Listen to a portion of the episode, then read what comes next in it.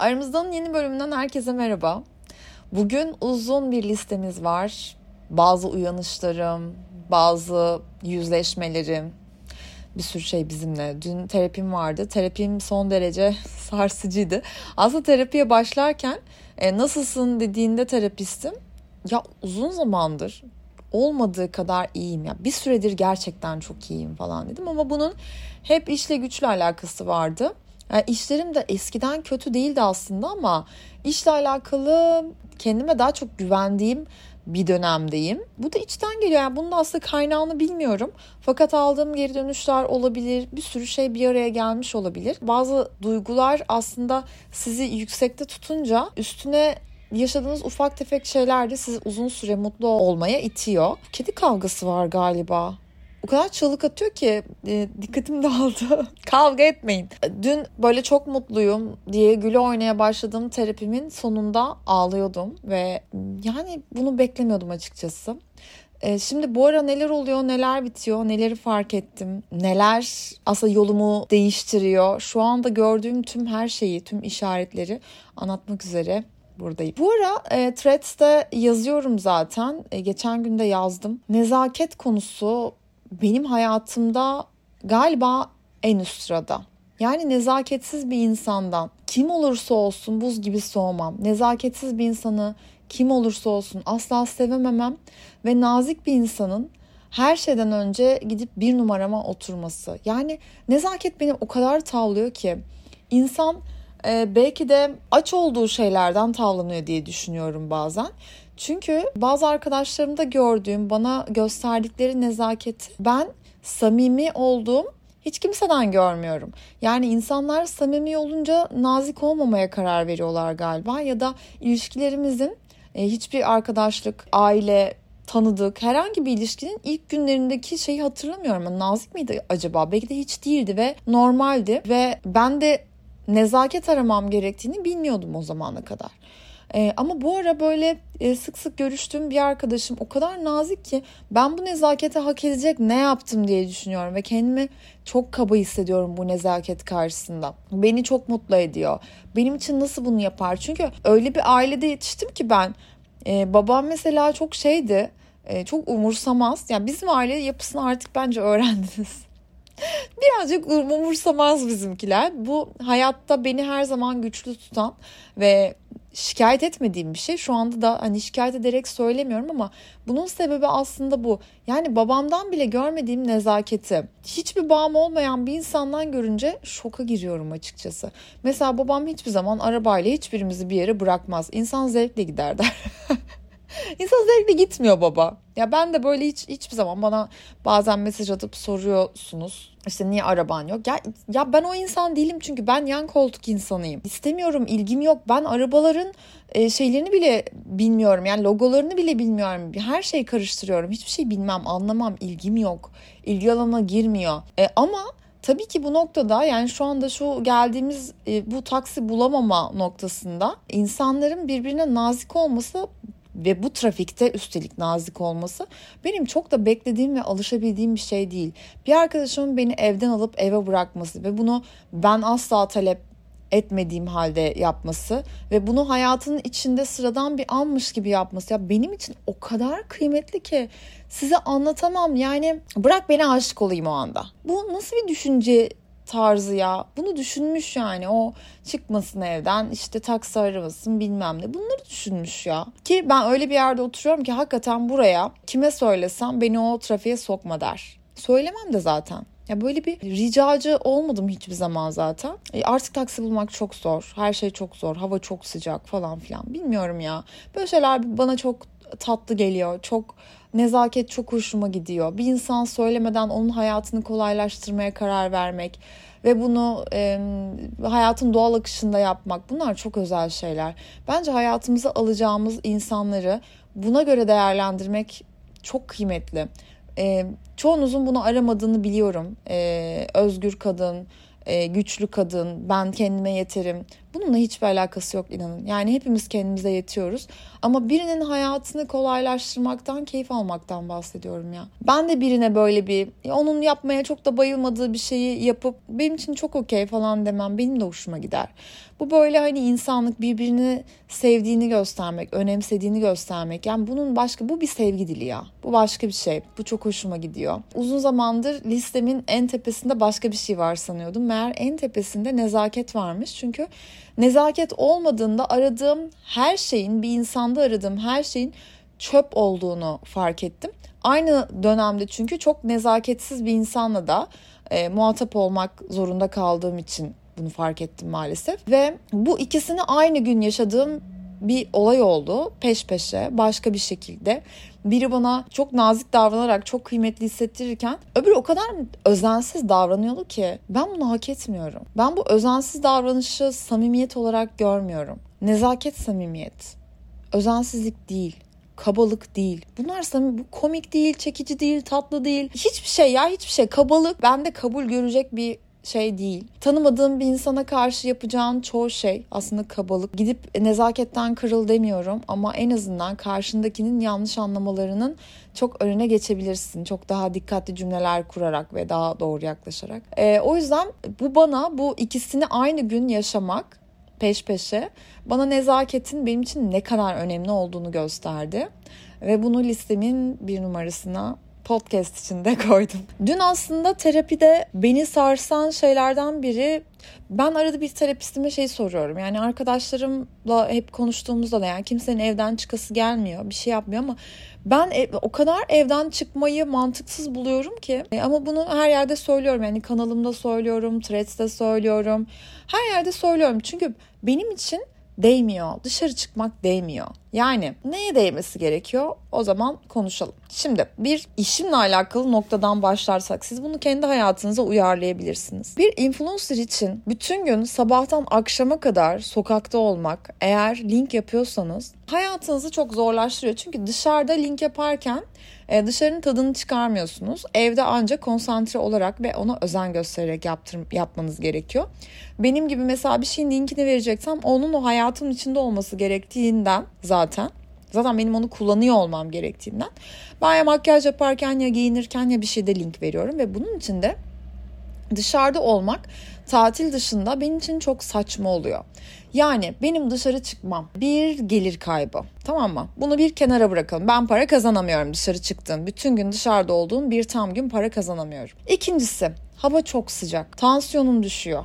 Yani o kadar çok terliyorum, o kadar keyif almıyorum ki bu havadan çıkmamın saçmalığına dair ikinci benim evimde klima var. Klimanın altında tertemiz kuru bir yaz geçirme imkanım varken dışarı çıkıyorum ve e, bu esnada da e, o günün sporunu doğru düzgün yapamıyor oluyorum ya da hiç yapamıyorum. Sağlıklı beslenemiyorum çünkü ben çok nadir sipariş veririm. Evde kendim yapamıyorsam salatamı yemeğimi dışarıda yediğim şey o kadar da sağlıklı olmuyor. Hiçbir zaman tam olarak sağlıklı olmuyor.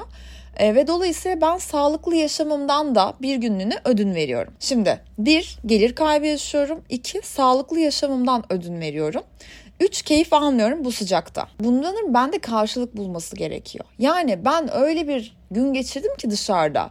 Hiçbir şey umurumda değil. Ha bir gün mola vermişim. Hayatıma mola vermişim işte işime mola vermişim. Umurumda değil. O kadar büyük keyif alıyorum ki benim için okey dışarı çıkmak. Tam olarak böyle zamanlarda, böyle durumlarda dışarı çıkıyorum ve böyle insanlarla görüşüyorum. Hayatımda bu kadar az insan bıraktım. Yani o insanla olmak, o insana tam olarak konsantre olmak istediğim için, sevdiğim insanları dışarıda gördüğümde başka hiçbir şey düşünmüyorum. Telefonumun şarjı hep böyle 20'lerde falan oluyor ben dışarıda arkadaşlarımla buluşunca ya da sinemaya gidince. Çünkü zaten telefona bakmıyorum. Çünkü o arkadaşımla olmak istiyorum. Telefona çok nadir işte bildirimlere bilmem neye bakıyorum. Ve hayatta yaşadığım her şeyin de hakkını vermek istediğim için her işte davete gitmiyorum. İnsanlarla buluşmuyorum. Gereksiz o gün hiçbir gelirim yok tamam mı?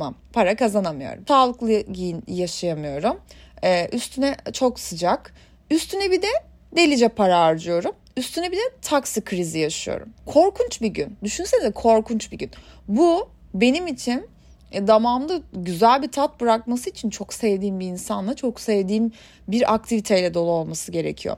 Bu ne zamanlarda oluyor? Festival haftalarında oluyor. festival haftası benim için çok yoğun, çok uykusuz kaldım, yoruldum ve işime, hayatıma gerçek manada bir mola verdiğim bir hafta oluyor. Ama bunu karşılıyor biliyor musunuz? Bana verdiği tatmin, beni doyurması. Bu benim hayatta en sevdiğim şeylerden biri. Yani o festival haftasında olmak, film festivalinde sabahtan akşama kadar bir sürü film izlemek bunlar bunu karşılıyor. Sevdiğim arkadaşlarım onlarla bir gün geçirmek mesela öğlen buluş akşam eve git. O yüzden hayatımda böyle insanları tamamen bıraktım. Ve benim de hayatlarında böyle olduğum insanları bıraktım aslında. Dolayısıyla hani bunu ölçtüğümde dün e, yine terapimde bunu konuşuyorduk. Benim evden çıkmamam, benim bir sürü şeyimi de gösteriyor. Yani evden çıkmak gerçek hayatta biriyle tanışmayı da sembolize ediyor. Benim biriyle tanışmaktan hoşlanmamam, uzaktan birini görmek istememem. Yani bu online tanışmalarda şöyle bir şey var. Online tanışmaların beni çok alakadar edememesinin artık e, sebebi şu. Bir insanı fotoğrafları üzerinden çekici bulamıyorum. Yani ya fotoğrafları çok kötü oluyor ya da fotoğrafları çok güzel de olsa çekici bulamıyorum. Fotoğraflar benim için hiçbir şey. Benim onunla sohbet etmem, onun insanlara nasıl davrandığını görmem, telefonuna bakma sıklığı belki e, yüzüne bakarak anlattığı şeyler, bir olayı anlatırken ona neler eklediği, hangi detayları eklediği, nasıl giyindiği, ne bileyim üstündeki ütülü mü değil ya ben başka bir şeylere bakıyorum tamam mı? Ve bu da bana online tanışmada e, online olarak konuşmada hiçbir şey vermiyor.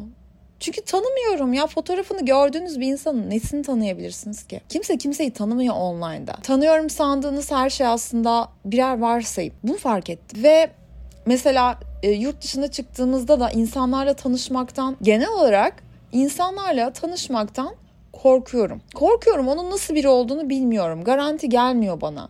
E, yurt dışında da korkuyorum.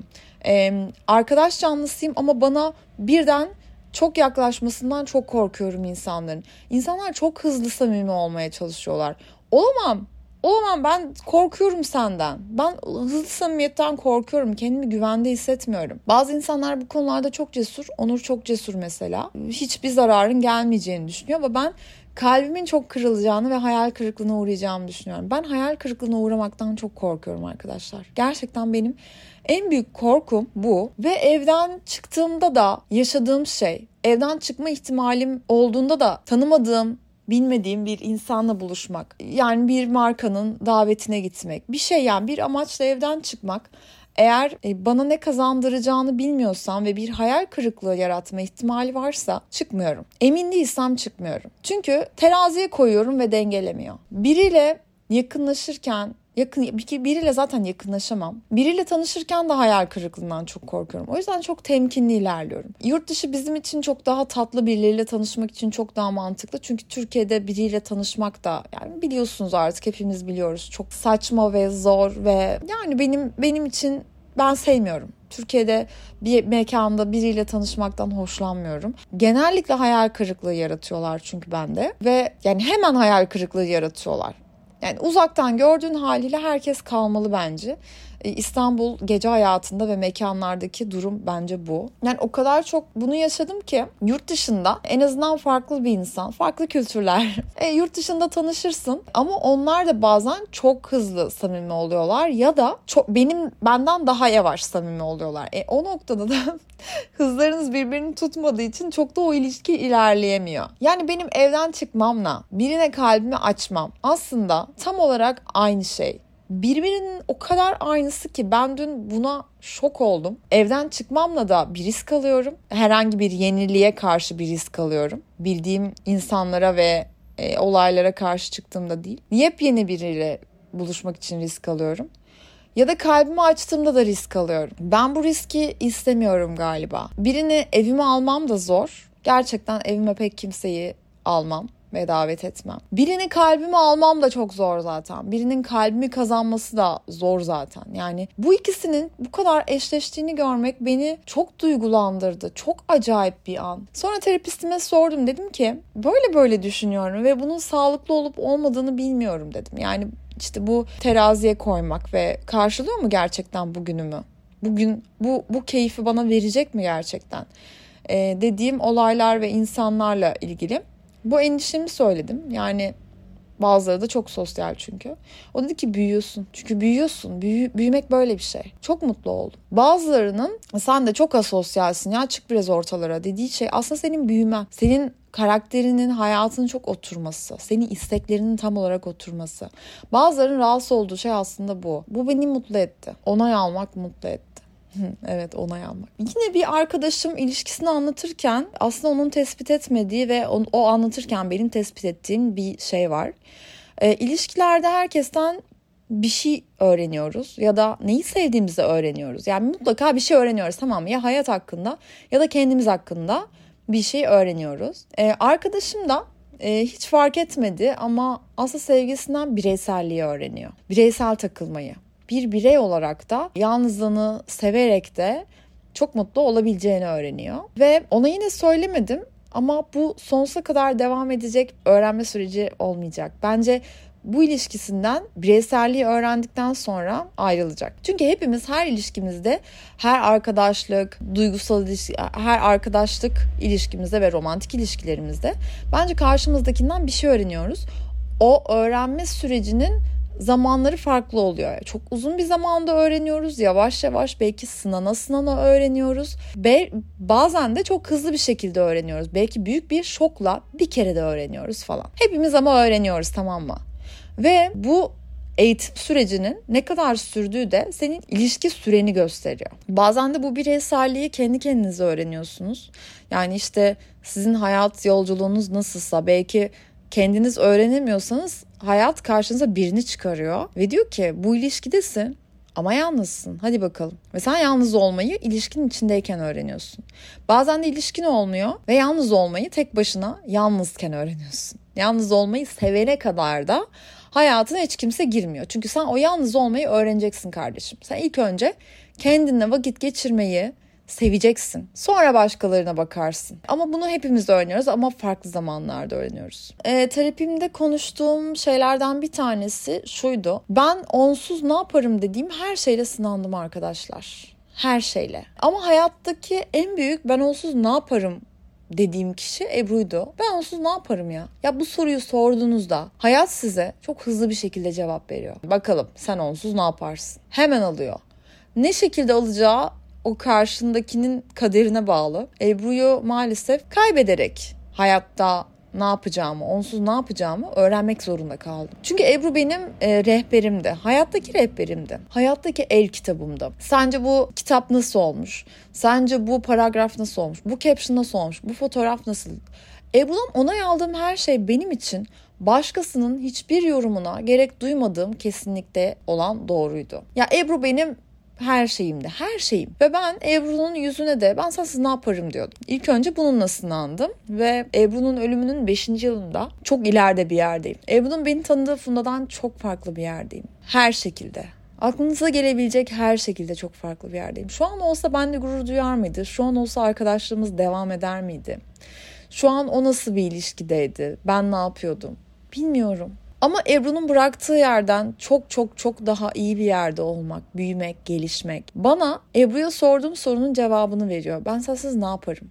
Ben sensiz öyle bir ilerlerim ki. Maalesef keşke seninle birlikte ilerleseydim ama demek ki ben seninleyken ilerleyemeyecektim.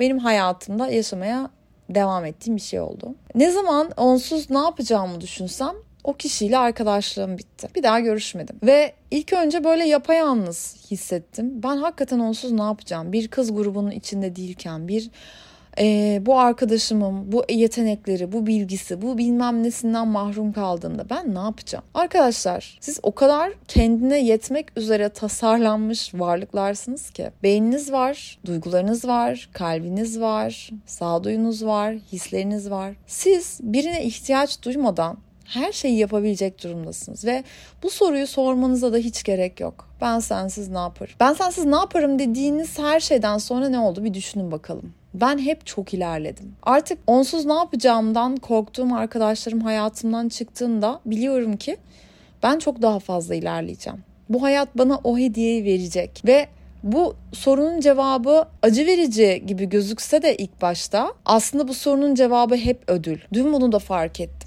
Bir kez daha Ebru'yu andım. Keşke olsaydı. çok uzakta olsaydı, başka bir yerde ol, dünyanın öbür ucunda olsaydı ama yaşasaydı ve yaşa- yaşarken ben hani onsuz ne yapacağımı yaşarken görseydim. Ama yani bir yerlerde haberin olduğuna eminim. Son olarak fark ettiğim bir başka şey bu görüşemediğimiz dönemde Onur'a söylediğim ve aslında o an fark ettiğim bir şeydi. Arkadaşlar yakın arkadaşlık. Biz kankayız sen benim bütün sırlarımı biliyorsun. E, ben senden hiçbir şey saklamam. Yediğimiz içtiğimiz ayrı gitmez. Biz hep birlikteyiz demek değil.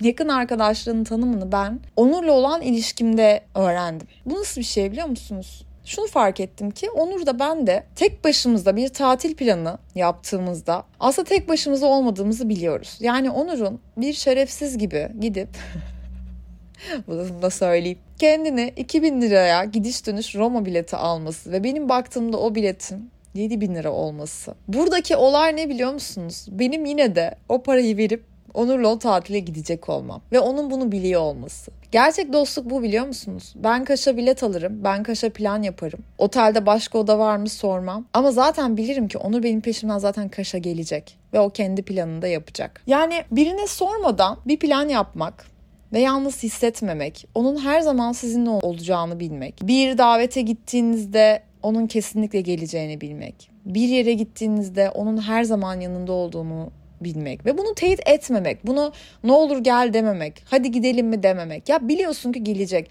Bu hayatta yaşanan dostluğun en tepesindeki hali biliyor musunuz? Böyle sana verilecek en büyük hediye ne? Plan yapmadan onun orada olduğunu bilmek. Birbirimize verdiğimiz bu güven bu ne kadar sürer bilmiyorum. Bu da hayatta bir süresi olan arkadaşlık mı yoksa bir gün bitecek olan şey mi bilmiyorum. Ama bu dostluğu yaşadığım için çok şanslıyım. Çok şanslı hissediyorum. Ve gerçek dostluğun tanımını belki de bana öğretmek için var Onur. Onur senelerdir hayatımda biliyorsunuz. Onur benim çok uzun zamandır. Çok yakın arkadaşım. Ama biz böylesi bir noktaya bu yol arkadaşlığına çok uzun zaman önce gelmemiştik. Bir süredir geldik. Ve o da bana bunu öğretti.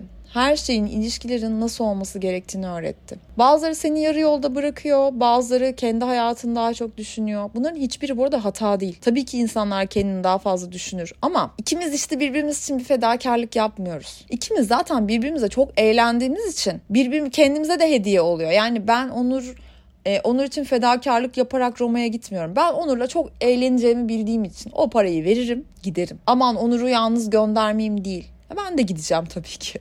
Anladınız siz. Birçok arkadaşlarımda hep böyle kötü gün dostlarım da oldu. Gerçekten beni çok sevdiğini bildiğim insanlar da oldu.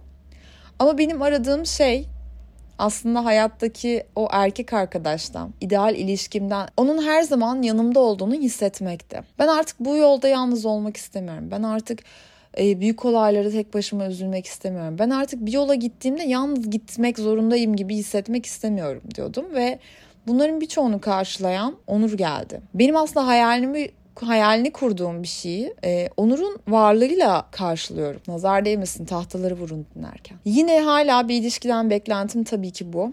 Ve ben bu ilişkiyle birlikte hayattaki tüm yakınlarımdan görmek istediğim rahatlık ve güven seviyesini anladım. Bu bana bunu öğretmek için var.